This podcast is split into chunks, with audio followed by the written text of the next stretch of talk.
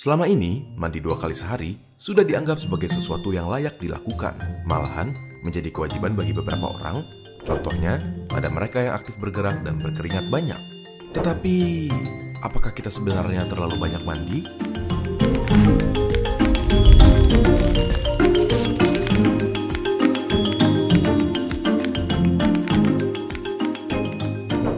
Tidak ada pernyataan yang resmi dalam menentukan seberapa sering kita harus mandi. Tetapi, masyarakat di seluruh dunia seperti di India, Amerika Serikat, Spanyol, dan Meksiko mandi sekitar sekali dalam sehari dengan ataupun tanpa sabun. Lain halnya untuk orang dewasa, pada anak di bawah usia 6 tahun, American Academy of Dermatology menyarankan jika anak tidak kotor atau bau, maka mandi ideal dilakukan sekali sampai dua kali seminggu, karena sistem imun mereka sedang berkembang dan membutuhkan bakteri dan virus untuk menguatkan imun.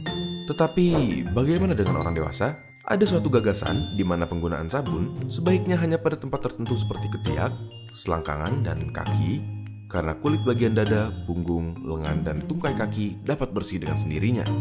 Lapisan teratas dari kulit kita terdiri dari sel dan minyak pelembab yang melindungi lapisan-lapisan di bawahnya. Setiap kita mandi dan menggosok kulit, lapisan ini akan terkikis dan semakin sering kita mandi, maka kulit akan lebih lama memperbaiki lapisan atas karena produksi minyak yang terlarut oleh sabun. Akibatnya, kulit akan terasa kasar, kering, dan mudah iritasi. Selain itu, mandi dengan sabun juga dapat mengangkat bakteri baik yang berfungsi melindungi kulit kita dari infeksi. Lama-kelamaan, kulit pecah-pecah dan membuatnya semakin rentan terhadap infeksi dan kotoran. Jadi, sebaiknya seberapa sering kita mandi? Nah, kebetulan mandi setiap orang tergantung oleh faktor yang berbeda-beda. Iklim merupakan faktor yang signifikan untuk menentukan seberapa sering kita harus mandi.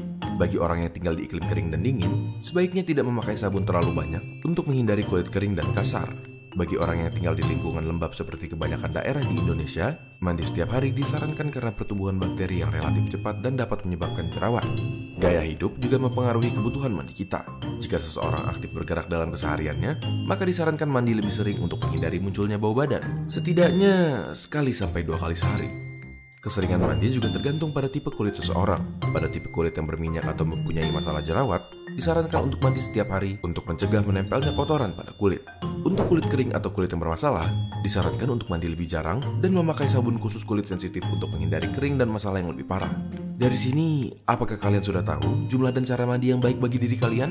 Apakah kalian suka dengan konten kali ini? Beritahu teman kalian yang kurang atau kebanyakan mandi dengan membagikan video ini ke mereka.